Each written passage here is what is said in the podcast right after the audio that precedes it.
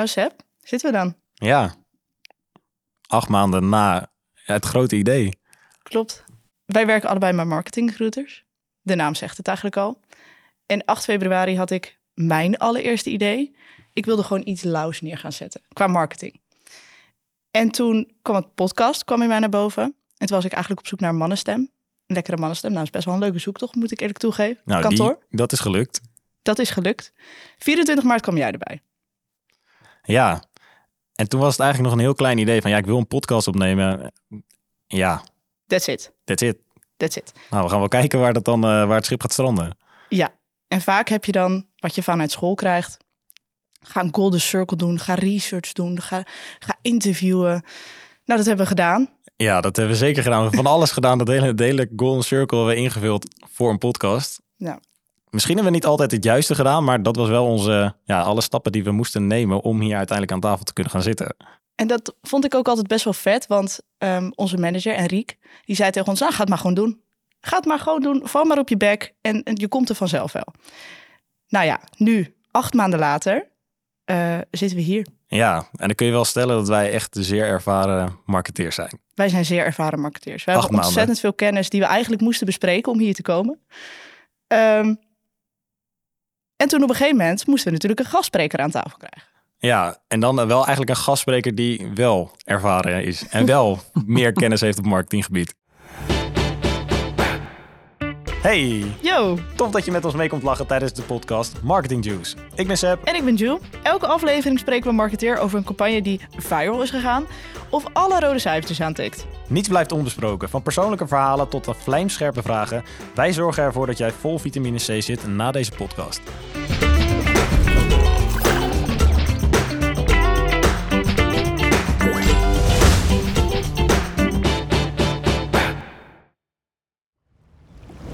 Bonjour, Kasia.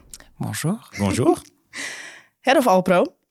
Een vrouw die geboren is in Polen, in Frankrijk heeft gewoond, in Nederland woont momenteel, met een Spaanse man, twee prachtige kinderen, heeft bij Heineken gewerkt, zeven jaar, werkt nu momenteel zes jaar bij Danone. Wat doe jij in je vrije tijd, Kasia? Podcast. Podcast. Dit is dagelijkse kost voor jou. Misschien als, eh, ja, als het heel juicy wordt vandaag, dan misschien ga ik dat iedere dag doen. Geboren in Polen, opgegroeid in Frankrijk en nu woonachtig in Nederland met een Spaanse man. Hoeveel talen spreek jij? Zeven. Zeven vloeiend? Ja, nou, vloeiend. Als ik woon één maand, denk ik, in een van de landen, dan komt het terug. Ze zeggen dat metalen, dat is zoals met een fiets. Als je gewoon daarop ziet, dan komt het terug. Hoeveel, hoeveel talen spreek jij, Jules? Ik spreek Nederlands en Engels en ja, als ik, als ik wat gedronken heb, dan iets meer. Oké, dan spreek ik er één taal vloeiend. Nou, laten we hem in het Nederlands doen vandaag. Ja, goed plan. Goed plan. Kasia, ehm, wij gaan jou vandaag even helemaal uitpersen. Allereerst gaan we het hebben over een nieuw innovatief product. En daarna gaan we het hebben over influencers. Kasia, het of Alpro. In de afgelopen maanden heb je volgens mij je eigen team samen mogen stellen. ehm, waarvan er vijf nieuw zijn aangenomen. Klopt. En daarmee zijn jullie in de afgelopen tijd eh, druk bezig geweest met een innovatief product. Ja, klopt. We zijn heel druk bezig, dat is zeker. Eh, ik dacht, ja, wat was iets dat ik zou heel graag willen delen met de marketeers van vandaag? En dan, zoals je zegt over de podcast, je moet echt op jouw bek vallen af en toe om te leren. Nou, dat gebeurt iedere dag. Iedere dag, eh, zelf na 17 jaar ervaring. Ehm, je moet je voorstellen, ja, 17 jaar ervaring, hoofd van Alpro. Je zit met jouw team drie, drie super top meiden. En ja, je doet gewoon een yoghurt open. Een alternatieve naar yoghurt, plantaardige versie daarvan. En dat is jouw grootste innovatie voor volgende jaar. Je ziet dinsdag op kantoor, je neemt een lepel, iedereen staat daar rond de tafel met een lepel. Nou, lekker, die, die, is, die is echt goed. Nou, gaan we proeven. Je opent het product, textuur is niet goed. De smaak is niet goed. En je denkt, nee, dat kan niet toch? Zes maanden geleden was die helemaal perfect. Wat is gebeurd? En dinsdag, dat is dinsdag, donderdag, gaat jouw sales team naar Albert Heijn, Jumbo, Super Unie, om die op de schap te krijgen. Klopt niet. Je hebt twee dagen, 48 euro. Wat, wat ga je doen? Dat is wel even kut. Dat is wel echt even shit. Ja, Ja, want neem ons anders even mee. Want je zei zes maanden geleden, jullie zijn bezig met een inno- innovatie. Ehm, volgens mij proberen jullie elk jaar zes nieuwe producten op de markt te brengen. En eh, nou, dit is er dan één van. Hoe, kom, hoe komt dat tot stand? Klopt. Ja, we proberen altijd meer innovatie te hebben, omdat dat gaat altijd mis. Dat, zo, is het. Er is altijd iets die gaat gebeuren binnen zes maanden in onze leven, maar ook in, de, in het leven van het de bedrijf dat gebeurt. Dus je gaat altijd aiming for the stars, dus zes, maar dan aan het einde heb je waarschijnlijk vier. Eh, en zes maanden geleden hebben wij gewoon een product geproefd van een andere markt. Die was ontzettend lekker. En Ja. dat was echt mindblowing. Omdat het was de eerste plantaardige alternatieve op yoghurt... die echt geen plantaardige achtersmaak heeft. En wij dachten, nou, wauw. Iedereen die heeft dat geproefd dacht... nou, je, dit, is, dit is wat de consum- consument zit echt op te wachten. En dat heb je niet altijd met een innovatie. Een innovatie is niet altijd iets dat de consument waard voor. Want hoe, hoe ziet dat eruit? Ga je dan met een team naar een bepaalde locatie toe en dan staan er gewoon een aantal bakjes en dan ga je gewoon lekker, Klopt, klopt. We hebben zo'n kamer bij onze kantoor. Dat is echt een user experience. Eh, klinkt heel fancy, maar eigenlijk dat is een tafel met stoelen en heel veel lepels. dus, En veel producten en dus. veel producten dus. Eh, en die ga je proeven. En eh, je hebt echt een, ja, we noemen dat heel tech- technisch, maar organoleptic profile. Het is een Gezondheid. zo'n Ja, en nu in het Nederlands, wat, wat, een wat is dat? wijnproeverij achter. Ja. Misschien dat is toch. eh, dus we gaan proeven. En eh, hoe de textuur is, de smaak, de kleur. eh, wat je ervaart. Gaat het op je tong tingelen of gaat het zacht worden? En dat ga je beschrijven met heel veel mensen. En half van deze mensen zijn echt ja, opgeleid in, in deze vak. Om, Zijn opgeleid tot yoghurtproever. ja, ja, nou yoghurt. Ja, over ja, yoghurt en alles die plantaardig is, omdat het dus heel specifiek is. Ze weten hoe ze moeten dat mengen om een bepaalde textuur of smaak te krijgen. Hoe komen nieuwe producten tot stand? Er zijn twee manieren. Eén is eh, uit de consument. Dus we doen een onderzoek en we zien dat er is echt een nood. En daar gaan we een briefing schrijven. Dus instructies voor zo'n mensen in een lab. Die gaan het ontwikkelen, mengen en proberen om de textuur en de smaak te krijgen dat wij willen heel graag hebben. Andere manier is dat het product bestaat omdat iemand anders in een andere markt heeft dat ontwikkeld. Uh, en dan wij proeven het en zeggen, oh, dat zou ook echt iets voor ons zijn, omdat het ook op strategie is. Dus aan de ene kant kunnen jullie producten namaken. In de zin van, nou, we zien bij de concurrenten dat ze een erg lekker product hebben gemaakt. Dat willen we ook. En het kan aan de andere kant zijn, jullie doen mm, eh, marktonderzoek. En daaruit blijkt dat de consument zit te wachten op een nieuw plantaardige yoghurt. Dat klopt, dat klopt. Maar we maken niet altijd na onze concurrent. We zijn marktleider, dus wij bedenken meestal eerst de product. En onze concurrent maken ons na, hopen wij. ja. Oké, en dan zit je daar aan tafel. Ik ben namelijk afgelopen weekend naar een wijnproeverij geweest. En dan, aangezien je dan al een aantal wijntjes op hebt, ben je vrij positief. je mag niet met elkaar praten, omdat je niet in over, mag overleggen wat je denkt dat erin zit. Hoe gaat zo'n proeverij als je het hebt over yoghurt dan? Want het is yoghurt. Je wordt niet, van, ja, je wordt niet helemaal happy daarvan, uh, niet, hoe meer je, je van eet. De mensen worden niet losser. Nee, nee. Je, je gaat niet opeens Frans uh, fluent praten. um, maar je moet inderdaad niks zeggen. Uh, dus je gaat echt alles opschrijven zelf. Uh, je hebt een, een, een, questionnaire, dus echt vragen. Mm -hmm. um, een vragenlijst.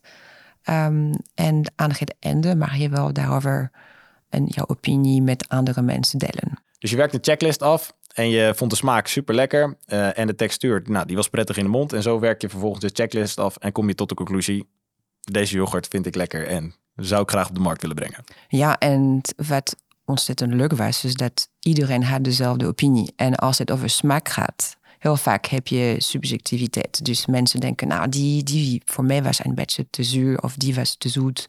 Maar bij deze, iedereen was eens, de product is echt geweldig. En toen zat je daar en toen ging je proeven? En dan dachten, dat kan niet. Iemand, iemand heeft het product ergens vermengd met iets anders. Of We, waren echt aan de codes te lezen. Ik zeg, nee, dat kan niet. Dat is een ander product. Klopt niet.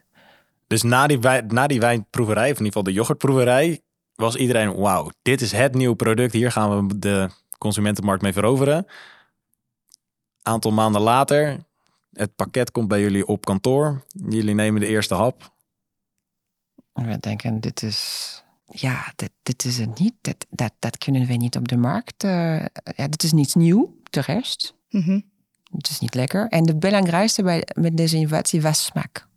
Dus als de smaak niet klopt, dan kan je alle communicatie doen. Het gaat niet werken. En was het dan zo dat bijvoorbeeld jullie wilden vanille en het werd aardbei? Of was het gewoon de smaak was echt totaal niet lekker? Dat was eh, precies hetzelfde wat we hadden op de markt. Dus dat is precies hetzelfde product. Die loopt heel goed al op de markt. Maar die heeft wel wat plantaardige smaak. Dus waarom zou ik een product op de markt zetten? Die is precies hetzelfde. Die al er is, maar in een andere verpakking. Maar wat, wat doe je dan? Ik, ik ga dan lachen. Ja, ik hoorde al aan je stem nu alweer de teleurstelling. Ja, oké. Je, je hebt een paar opties. Ik ben benieuwd wat, wat zouden jullie Ja. doen. Oké, optie 1. Je zegt, full stop. Gaan we niet doen. We gaan niet eh, naar Albert Heijn. Eh, op dinsdag, op donderdag, sorry. We gaan niet naar Albert Heijn. Door heel Nederland. Door hele Nederland, Superunie. We gaan het, pulling, pulling out the plug. Dus we gaan het niet voor. Optie 1. Optie 2. We gaan iets anders op de markt zetten. Maar je hebt maar drie maanden voor innovatie. Dat is bijna niks. We willen beschermen onze positie van de concurrent. Dus we moeten iets op de schap hebben. Als er maar niet helemaal de innovatie is dat we wilden. We gaan gewoon door. We zeggen, nou, we hebben een 50% kans dat het gaat mis. En binnen drie maanden moeten wij naar de oorzaak van waarom is de, deze product niet goed gaan. En gewoon, we gaan. We gaan zeggen aan Albert Heijn, nou, we hebben nog steeds de innovatie. Maar we moeten dat verbeteren binnen drie maanden met een heel hoog risico. Ja, goeie, want je hebt natuurlijk een product gemaakt waarvan je enorm enthousiast bent. Alleen het zit niet in de verpakking. Dus waarschijnlijk heb je het recept wel. Dan zou ik, zou ik voor uitstel gaan. Omdat je hebt het recept, het moet alleen nog gemaakt worden. En waarschijnlijk die verpakkingen. En dan ja, breng je het later op de markt. Maar om een product dat niet lekker is, of in ieder geval dat je al hebt in een andere verpakking te stoppen. Ja, de consument is ook niet dom. Nou, Ja, je, Je vindt kan- consument wel dom? je kan de consument wel gek maken. Dat is waar. Ik zou eh, in drie maanden een nieuw product doen. Ik hou wel van zo'n sprintje. Is dat mogelijk? Wat, Alles is mogelijk. Maar op dat moment, je, je- dat komt door je heen. Je bent natuurlijk de, ja, de manager van het team. Wat, wat doe jij als persoon? Wat gebeurt er in jou als persoon? Ik denk de belangrijkste is om niet in paniek te raken door de tijd. Ja, ik ben de hoofd van de merk, maar ik ben geen labnerd. Mhm. Dus die, die gaat naar de recept kijken. Ik werk ook niet bij de productielijn, dus ik weet niet waar daar gebeurt. Dus de belangrijkste, en wat moet, je moet wel snel doen, is alle experten de, rond de tafel te krijgen. En proberen om te begrijpen wat is misgegaan met het product. In plaats van paniek, we gaan iets anders doen. eh, eh, oh god, wat gaat Albert Heijn denken? Eh, we moeten een betere communicatie misschien doen. Nee, ga terug naar de objecten van de innovatie. Lekkere product. En wat is er echt, echt misgegaan? Oké, want het is plantaardige yoghurt. Klopt. Als ik het goed begrijp, wordt plantaardige yoghurt altijd op de markt gezet omdat het wat beter is voor het milieu. Maar goed, er zijn er hoeveel producten zijn er nu verloren gegaan? Dat is een heel goede vraag, omdat als je zo'n industrial trial, dus je gaat produceren in een kleine kwantiteit, dan moet je wel wat product weggooien, ja. Maar dat hoort bij alle innovatie. Je, je plant bijna daarvoor. Dat uit deze zes innovaties we net over hadden, vier alleen gaan op de markt en heel veel product wordt ook weggegooid. En als we het over weggooien hebben, ik hoorde je net zeggen, ja, er wordt wat weggegooid. Maar wat wordt er dan weggegooid? Ehm, nou, de, de white mass noemen we dat. Dus echt de basis van de yoghurt. Ehm, een deel daarvan proberen we wel nog iets voor productie van maken. Verpakking gooien we niet mee weg, omdat die her- herbruiken wij. Dus dat is echt wat echt slecht voor de milieu is, dat, dus dat doen we niet. Dus dat gaat echt over de basis van de yoghurt. Uh, en dat is een, ja, misschien een paar tons. Klinkt heel veel. Maar het is een paar ton? een paar ton. en, en een paar ton, aan hoeveel producten de, denken we dan? Dus wij denken niet zoveel een product, maar meer over hoeveel. En ja. dat is maximaal 10k, dus 10.000 euro. Oh, oké. Okay. Qua dus, kosten dat we moeten oh, weggooien. Dus dat is niet zoveel eigenlijk. Nee, nee onze geld. plantaardig, niet plantaardig. Jo, hè? Er zijn tonnen aan yoghurt weggegooid. Mm Denk je dat het product die in februari op de markt komt, dat goed gaat praten? Ik denk dat iedere concurrent van ons kan zeggen dat ze gewoon veel meer om voordat ze een innovatie op de markt zetten. Dus dat hoort er erbij. En, en, en, en Heineken en alle producten die in de voeding zitten, moeten om te kunnen echt innoveren, echt in een deel van het product weggooien, omdat zo leer je ook. Je moet het slecht maken om te weten hoe het beter te maken. Dus dat hoort een beetje daarbij. Ik wist dat helemaal niet. Ik ook niet. Het is een beetje zoals met bakken. Eh, als je bak voor de eerste keer of je gaat iets voor kerst maken. En je denkt, oh, ik ga helemaal innoveren voor kerst. Ik ga naar mijn ouders naartoe en ik ga echt iets super lekker maken. En je zegt, ik ga een heel plantaardiger avond, kerstavond eten, zelf bakken of koken. Nou, dan gaat het waarschijnlijk mis en je moet weggooien en een paar van de dingen. Want om, even, om ons even mee te nemen, je hebt dan die, het product, je hebt dat geproefd, je vond het super lekker. Je, daarna baal je verschrikkelijk, want je, je zit met een product dat lijkt er totaal niet op. En dan nu, over een paar weken. Jullie zijn, hebben bij elkaar gezeten met de uh, x aantal stakeholders. En dan nu, wij zijn natuurlijk heel benieuwd. Hoe heb je dat opgelost? Wat gaan we zien in de schappen? Jullie gaan het zien in de schappen. Wanneer? Dat is, ik denk, de, in grote deel van de antwoord. Dus wij gaan het goed maken. Alleen we gaan misschien niet zo snel als we wilden. Wat zou je volgende keer anders doen? Nog steeds plannen voor zes innovatie. Omdat er is altijd een percentage daarvan die gaan niet, niet lukken. Onderschat nooit de proces. Dat is eigenlijk wat we mee moeten nemen. Onderschat het proces niet en vertrouw wel op je eigen producten. Ja. Want dit product is, nou ja, dat gaan we dus over een aantal maanden zien. Dat moet mindblowing zijn. Ja, zeker.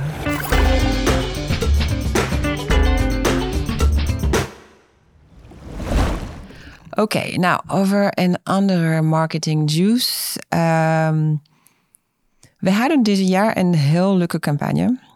Um, en je moet het zien zoals, uh, ja, we zijn live, dus uh, we hebben communicatie in de winkel, uh, op de radio, tv um, en op social.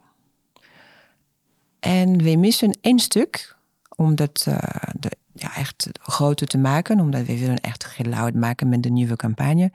we willen ook video's voor TikTok hebben. Dus we werken met een agency, die is echt influencers agency.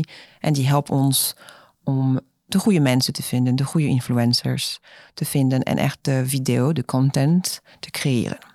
Wat voor soort influencers kunnen we dan aan denken? Is dat bijvoorbeeld een Jutta Leerdam of zo? Of? Nou, in onze geval, uh, we waren met deze, deze agency met kleinere influencers te werken. Dus je moet denken tussen 10.000 uh, followers tot met misschien uh, 100, 250.000. Uh, en we hadden in deze geval voor deze campagne drie influencers gekozen. Um, de agency gebriefd, dat moet over recepten voor ontbijt zijn. Uh, en dan ja, in de stal van een merk. Hoeveel betaal je daarvoor? Hmm, dat is een heel directe vraag. I know. Um, voor deze, dat was 50.000. Oké, okay, 50.000 euro voor drie influencers. En hoeveel filmpjes maken zij voor TikTok? Zij maken drie. Nou, zij maken op zich veel meer, maar we krijgen de right to, of usage voor drie. Oké, dus negen in totaal. Ja. Oké, dus je hebt een campagne voor, voor Alpro. En wat was het doel van de campagne? We willen heel graag laten zien uh, hoe je kan een makkelijker, lekkerder ontbijt uh, voorbereiden met Alpro. Ja, en daar zit in ieder geval die campagne. Daarvoor gebruik je verschillende kanalen. Wat waren die andere kanalen? Uh, dus je hebt, uh, wij noemen digital out of home. Dus dat is echt de, de busstappen waar die echt een video uh, formaat hebben. Dus ja, die, die bewegen. Dus, dus, die hangen in de bushokjes? Ja. Dus hokjes op een tram. Ook een heel mooie, wij, kunnen, wij, wij noemen het interne de yummy tram. Dus de lekkere tram, omdat die heeft zoveel... de, een tram, een um, outdoor, dat, dus, dat is de, de, echt heel grote billboard bij de uh, A10 bijvoorbeeld. Mm -hmm. um, we zetten online video's op YouTube, uh, Instagram... Uh, en we hadden ook in de winkel ook heel veel communicatie op de schapen. Ja, dus in-shop marketing. In-shop marketing en ook op de retailers website. Dus ook bij Albert Heijn. Uh, als je gaat uh, winkelen, dan uh, zie je dat in de bonus folder of op de scanner heb je een promotie op onze producten. En om jullie kanalen aan te vullen, wilden jullie TikTok-campagnes gaan draaien. Precies, een heel belangrijk kanaal. Dat, dat, dat weten jullie zelf. Dat is waar de consument heel veel tijd spendeert. Dus uh, daar willen wij ook uh, zijn. En ook omdat het is echt de perfecte kanalen voor recepten, inspiratie. Maar als je dan, het is Alpro is een beetje je, je babytje, je hebt het zelf gemaakt. Dan wil je wel dat daar een gezicht aan gekoppeld wordt en een beeld waarvan je denkt, nou dit is waar het echt voor staat. Had je enige inspraak in hoe die personen dat zelf aanpakten, wat voor personen achter de camera's gingen zitten? Of was het echt zo van, dit is de briefing en zoek zelf je creativiteit maar op? Zeker niet. Daarom werken wij met een agency en betalen wij 50k. We krijgen iedere dag influencers die uh, een, een mailtje sturen naar mijn team. Ik zou heel graag een influencer willen zijn voor Alpro. Dus dat zijn echt mensen die wij uh, uit honderden influencers kiezen. Uh, en wel wat, wat ja, normale geld voor betalen. Dus je verwacht dat je krijgt wel iets terug. ja, en wat verwacht je dan terug? Je betaalt 50k en je wil graag vanuit de influencer zien wat is hun ontbijtroutine. En dan krijg je waarschijnlijk vanuit de agencies opgeleverd. Hoe zag dat eruit? Ja, dat was echt, ja, jongens, dat was echt vreselijk. Ik, ik, ik, ik heb aan jou, Sebastian, laten zien dus ja, je moet het ook zien. Dat is, jullie zijn TikTokkers. Nou, jullie zitten op TikTok iedere dag. De rest, dat is te lang. Je kan niet een, een video hebben op TikTok die langer dan één minuut, één minuut is. En in die ene minuut, wat zag je? Een um, tour door een koelkast. dus uh, een van de influencers deed de koelkast open. Uh, en dat was een beetje op de idee van MTV Crips. Dus uh, je neemt iemand door jouw huis en je laat zien hoe het uitziet. Maar in deze geval, je neemt iemand door jouw koelkast. Maar dat was echt een heel lange Rijksmuseum tour van de hele koelkast. Inclusief onze concurrenten. Dus dat, je moet eigenlijk voorstellen, Jill, ik kom bij jou op bezoek. En nou ja, normaal gesproken laat je via je woonkamer zien. In dit geval doe je je koelkast open. Hoe groot was die koelkast als dat een minuut lang heeft geduurd? Ja, het was een flinke koelkast. Toch? Heel goede vraag. Ja, hoe kan je dat zo lang maken over een koelkast inderdaad? En dat was het probleem inderdaad. Is dat uh, het was zij, het was te lang. En voor mij als hoofd van Alpro, ik ga niet 50k betalen om onze concurrent in de koelkast te zien. Dus, uh, dus zij maakte ook nog een fout door een van jullie concurrenten Precies. in de koelkast neer te zetten naast een van de producten van Alpro. Precies. En ik verwacht wel een, een normale koelkast. Dat, ik wil dat het authentiek uitziet, dus ik wil niet dat ze gaan alles uh, uithalen die uh, onze concurrenten zijn. Maar deze, die enige grootste concurrent, zou ik heel graag niet willen zien. Omdat dan, dan ja, dan ik denk ze zouden heel hard lachen. Waarom betaalt zij om uh, wat advertentie voor ons te maken? Er waren drie influencers. Wat, wat maakte hen uniek? De drie influencers? Ja. Nou, één was een vader. Dus we vonden het belangrijk dat we kunnen een, eh, een routine laten zien van een vader. Uh, die was op zich heel grappig. Hij heeft de MTV Creeps inderdaad concept uh, in zijn video ontwikkeld. En dat vonden wij wel wat grappig. Alleen hij was die enige. Dus die twee anderen hebben het thema niet gebruikt. Dus dan dus je kan niet alle drie video's op dezelfde kanaal gebruiken, omdat het lijkt helemaal bijna uit een andere merk. Dus dat, dat werkt niet. Uh, de tweede was een, een uh, moeder uh, met familie. En de brief was, of de instructie waren, dat we willen heel graag ontbijt met de kinderen zien. Nou, dat is niet gelukt. Dat was zonder de kinderen en dat was niet ontbijt. dat was avondeten. dat klopt ook al niet vanuit de briefing. Nee, en dat op zich, ik zou denken, dat is niet de moeilijkste instructie die, uh, die ja. ja, en de derde was, uh, even nadenken, de derde was die, die noem ik die Rijksmuseum Lange Versie Tour van de koelkast, die op zich, je zou zeggen, nou, uh, dat is een beetje de MTV Crip concept, die nog steeds vond ik niet zo origineel, zo creatief. Maar dat was te lang. En dan staat er wel een campagne. Je moet live. Ja, en je hebt 50k betaald. Ja, precies. Wat dan? Nou, nog een keer, er zijn er een paar opties, toch? Je ziet een crossroad, uh, noemen we dat. Dus je moet zeggen, of uh, je gaat gewoon en je zegt, nou, ik ben te oud, TikTok. Waarschijnlijk die drie zijn uh, echt super uh, ja, misschien ik ben te oud daarvoor. En als mensen. Dus jij ging eigenlijk aan jezelf twijfelen? ja, bijna, bijna. Ik nou, misschien moeten we gewoon doorgaan. Het is heel authentiek. Ze hebben dat zelf bedacht. We moeten wij de creatief proces respecteren. De authenticiteit van de influencers. Nou, we gaan gewoon optie in. We zeggen, nou, we gaan nemen wat we hebben, maar met een beetje editing, afknippen, muziek. Misschien kunnen wij even even nog de 50k niet gewoon zomaar weggooien, maar wel iets daarvan maken. Nou, derde optie, je gaat gewoon misschien alleen kiezen wat in de stal van de merk is. En je Mhm. zegt, nou, dat gaan we doen. Maar de rest zeg je, nou, jammer, maar dan gaan we dat weggooien. Je kreeg van drie influencers drie filmpjes. Dus in totaal heb je negen video's ontvangen. Mhm. Hoeveel heb je daar uitei- uiteindelijk van kunnen gebruiken? Twee. Een van de, de meid, die heeft een recept gedaan, die was heel goed. En een van de, een jongen, de vader, die heeft ook een recept, recept gedaan. En dat was het. Dus dat is voor twee video's. Een heel dure 50k. prijs, ja, Dus dat is 25k per 25 seconden. precies. precies. dat is flink duur. Dan gaan we je Ja, die betalen voor de podcast. nou, naar deze hele verhaal, eh, ja, we hebben, we hebben echt een break-up gehad met eh, de influencer agency. Dus Oh. eh, we werken samen niet meer. Jullie Dus- werken niet meer samen. Nee. En jullie gaan overstappen naar een andere agency. Precies, en een geweldige nieuwe met eh, heel veel meer followers en die meer creatief is en begrijpt onze merk. Dus Wat, is, wat, wat heeft het opgeleverd, deze campagne? Loopt die nog? Nee, niet meer. Ehm, de campagne is echt eh, heel goed eh, gegaan, behalve TikTok. Kunnen we ons iets bij Good voorstellen? nu? learning, ja. Eh, dus daar, daarom hebben wij meteen actie onderne- ondergenomen en, en een nieuwe agency opgezocht en, en, de, en de andere bedankt. Eh, maar de, de rest van de campagne eh, loopt heel goed. Zo goed dat we gaan het eh, nog een keer herhalen, maar dan twee keer beter. Oké, en um, als ik dan even zo terug zit te denken. Je begint met het brieven van een agency. Die geef je een idee mee. Wa- Was die briefing, was die, was die volledig? Was die goed genoeg? Want ergens is het foutje, de miscommunicatie zeg maar gestart. Als we in mijn team vragen, dat is echt eh, de, de, de meest belangrijke document voor mij.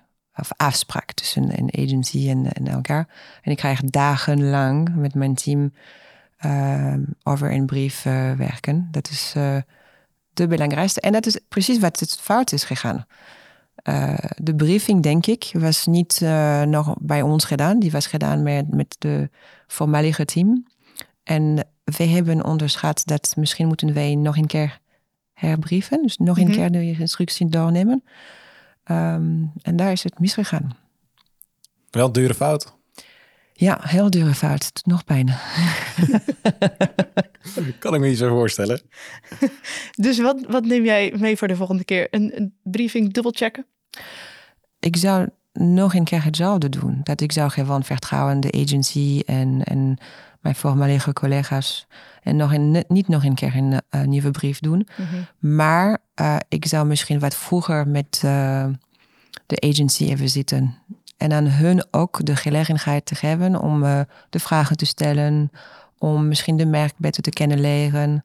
Dat hebben we niet gedaan. En, en dat is de kans dat ik zou heel graag aan alle onze partner en agency willen geven. Dat het is niet alleen dat we hebben niet goed gebriefd of ze hebben dat niet goed begrepen. Dat gaat over communicatie. En even misschien samen zitten. En is, is echt alles duidelijk?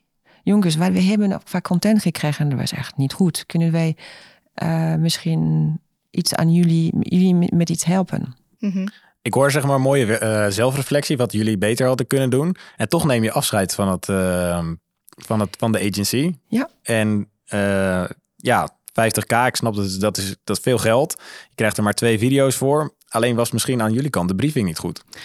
Dat klopt, dat kan heel goed zijn. Uh, alleen wat is daarna gebeurd, is dat we hebben uh, een uh, goede brainstorm gehad met de agency. Dus na deze um, campagne. En dan zeg nou, lieve partner, het is misgegaan. Wat kunnen we verbeteren voor de volgende keer? wat, wat kunnen we verbeteren voor de volgende keer? Wat hebben jullie nodig van ons om betere video's, content te creëren? Uh, dat hebben we geleverd. We hebben onze tijd gespendeerd. Niet alleen 50 keer, maar ook extra tijd gespendeerd om hun mee te nemen. En nog een keer, omdat we hadden in de contract nog een paar video's en content die, uh, die ze moesten leveren. En nog een keer, de content was niet goed. Dus we hebben nog een kans aan hun gegeven om een herkansing uh, om de content beter te, uh, te maken. En dat is niet gelukt. Dus zij konden zich revancheren, ja. maar dat hebben ze niet gedaan? Nee. Voelt echt een beetje als daten. Een relatie die, die je elke keer maar een kans geeft, maar niet. Oké, okay, je, krijgt, het, je krijgt nog een kans. Ja. alleen, alleen dan lukt het nog steeds niet. Nee, dan blijf je maar doorgaan. Maar, maar ligt het aan de briefing? Of? oh, ik, zal eens, ik zal eens denken als ik naar huis ga van oké, okay, hoe ga ik vandaag mijn vriendin, vriendin brieven? en als ze zich daar dan niet aan houdt, ja, ik betaal haar dan wel gewoon geld. Precies. Ja, dan wil ik wel wat voor terug. gaat, gaat het allebei kanten. De instructie moet dan duidelijk zijn, maar ook, uh, maar ook de executie moet ook. Uh, executie. Ook Zo. Gebruik die maar niet. Sorry, Lin. oh.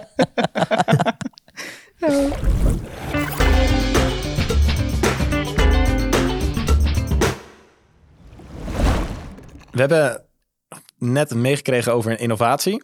Uh, nou, daar gaat erg veel werk in zitten. Vier van de zes innovaties komen uiteindelijk op de markt. Uh, wij zijn in ieder geval heel erg benieuwd naar die innovatie en gaan zeker naar de supermarkt rennen. Uh, en we hebben meegekregen over een influencer-campagne die nou, redelijk wat cent heeft gekost en misschien niet helemaal heeft opgeleverd wat het had op moeten leveren.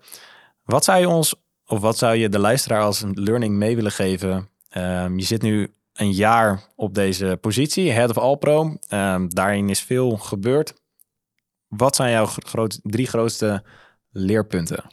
Ja, de eerste, eerste voor mij en de belangrijkste is de mensen rond jou. Dus ik heb een team gebouwd en ik denk uh, de rijkdom is in de mensen.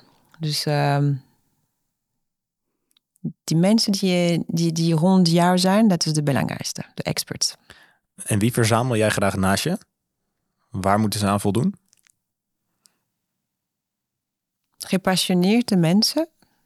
Um, met sterke waarden, geloofde. Um, expert in zijn veld, dat is zeker. Uh, dus goede achtergrond op uh, of uh, via werkervaring of via, um, via studie. Dus ze zijn redelijk jong, dus een paar hebben maar een paar jaren ervaring. En ik moet eerlijk zeggen, er is ook een gut feel. Een heel belangrijke gut feel die ik heb. Dat ze gaan alle samen goed passen. Dat is heel belangrijk. Dus ze kunnen echt een teamplayer zijn. Dus mensen die kunnen goed met elkaar. Ik kan heel erg goed begrijpen dat je mensen bij elkaar zoekt die goed met elkaar kunnen samenwerken. maar de meeste goede discussies ontstaan met mensen waar je het eigenlijk niet mee eens bent. Klopt. Kijk je daar ook naar in je ja, ik neem, al, ik, ik, neem alleen sterke mensen. En ik, sterk, maar sterk in Nederlands is niet een goede woord. Uh, in Engels, ik zeg strong-minded. Dus echt onafhankelijk. Die kunnen van zichzelf denken. En die gaan echt vechten voor hun eigen idee. En dat vind ik super belangrijk. Dat iemand gaat aan mijzelf vragen, maar waarom doen we dat? En zelf als ik een antwoord geef, dan zeg ik nog een keer, maar waarom? Maar waarom echt? Dus het team is voor jou erg belangrijk. Het team om je heen. Um, wat zou je nog meer? Uh, wat is nog meer iets waar je, waarvan je zegt, ja, dat heb ik echt geleerd in het afgelopen jaar? Ik denk foutjes maken. Daarom hebben wij over twee foutjes gehad. Niet omdat het altijd fout gaat bij Alpro. Dus meer dat je moet foutjes maken uh, om daarvan te kunnen leren. En ehm, je kan 5, 3, 16, 20, 30 jaar ervaring hebben. Je moet iedere dag een beetje uit jouw comfortzone gaan en even iets proberen waar je denkt, misschien ga ik een foutje maken, maar dan word ik wel beter van. Word ook de team beter van en heel waarschijnlijk de business ook. We hadden het net toch ook over relaties. Je hoort wel vaak dat je eerst een aantal relaties hebt gehad waarvan je denkt, nou dit past niet bij mij. Dit past wel heel erg bij mij, maar dat ging gewoon niet goed. Dat je uiteindelijk bij één relatie terechtkomt waarvan je echt helemaal jezelf kan zijn en weet dat dit gewoon iets is bij je past. Dus van de zes relaties, dan lukken er ongeveer vier. En dan hoop je dat je met de beste eindigt. Uiteindelijk kost je dat 50k. ja, in principe wel. Is er nog een learning? Ja, passion, passion. Als, ja, als je leuk vindt, nou, zoals ze zeggen, als je van houden van wat je doet, dan word je wakker in de ochtend en never working a day in your life anymore. Ik vind het heel belangrijk dat we nemen elkaar niet zo serieus en dat we kunnen altijd over alles lachen. Ja, dus wat we, in ieder geval wat ik hier heel erg uit meeneem is verzamel de juiste mensen om je heen. Maak fouten en leer daarvan en ga gewoon vol passie voor je doel. Ja. Blijf lachen. En inderdaad, laten we erbij blijven lachen. Neem, neem het niet te serieus, precies. Kasja, jij maakt nou jouw debuut in podcastland. Wij hebben straks een andere podcast. Die gaan we opnemen met Geerten. En Geerten is een van de oprichters van Upmension. Nou, hoe kan je Upmension nou kennen? Rij je op de snelweg A1, A2 tot en met 8, heb je een aantal van die billboards waar heel groot op staat: Wij kennen het geheim van Google. Als je deze podcast even evalueert en nadenkt over Geerten zijn taak binnen het bedrijf, wat voor vraag zou je hem willen stellen? Ja, ter eerst, jongens, Gerten, dat is echt een van de moeilijkste Nederlandse namen voor mij om uit te spreken. Dus voor mijn debuut, dank dat jullie hebben opgezocht de moeilijkste Nederlandse naam ter wereld. Misschien is de achternaam erbij, Geert de Schoolaard. Schoolaard, oké. Okay. Schoolaard. Ik meneer heel formeel. zei. dus meneer Schoolaard, heel formeel. Ja, ik ben benieuwd eigenlijk, omdat um, we kunnen altijd verbeteren bij Alpro. En ik zeg, um, zou ik mogen bij meneer Schoolaard langskomen en zeggen: Nou, help me, help me even met uh, SEO uh, voor Alpro. Maar hij werkt al voor de twee grootste concurrenten van Alpro. Hoe gaat meneer Schoolaard mij als klant blij maken? Mm, second love. dus hoe gaat hij ervoor zorgen dat jij boven ja. de twee grootste concurrenten gaat eindigen? Ja, Oké, nou meneer Schollaert. Voor minder dan 50k. in februari krijg je antwoord van ons. Nou, in februari zien jullie op de schappen of het product uh, komt uit. Dus uh, heel veel gaat gebeuren in februari.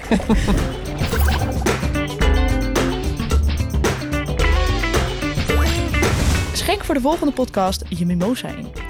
Want we gaan het gesprek aan met Geerten. Iemand die niet alleen het geheim van Google kent, maar net zoals pittige Karen op Facebook, het randje durft op te zoeken op LinkedIn. Vond je dit nou lachen? Abonneer je dan op onze podcast in jouw favoriete app en laat even een review achter. Ga al in, wij zijn erg benieuwd. Thanks voor het luisteren. Check vooral even onze socials. Daar zie je straks een juicy tip van Kasia. Ciao. Doei.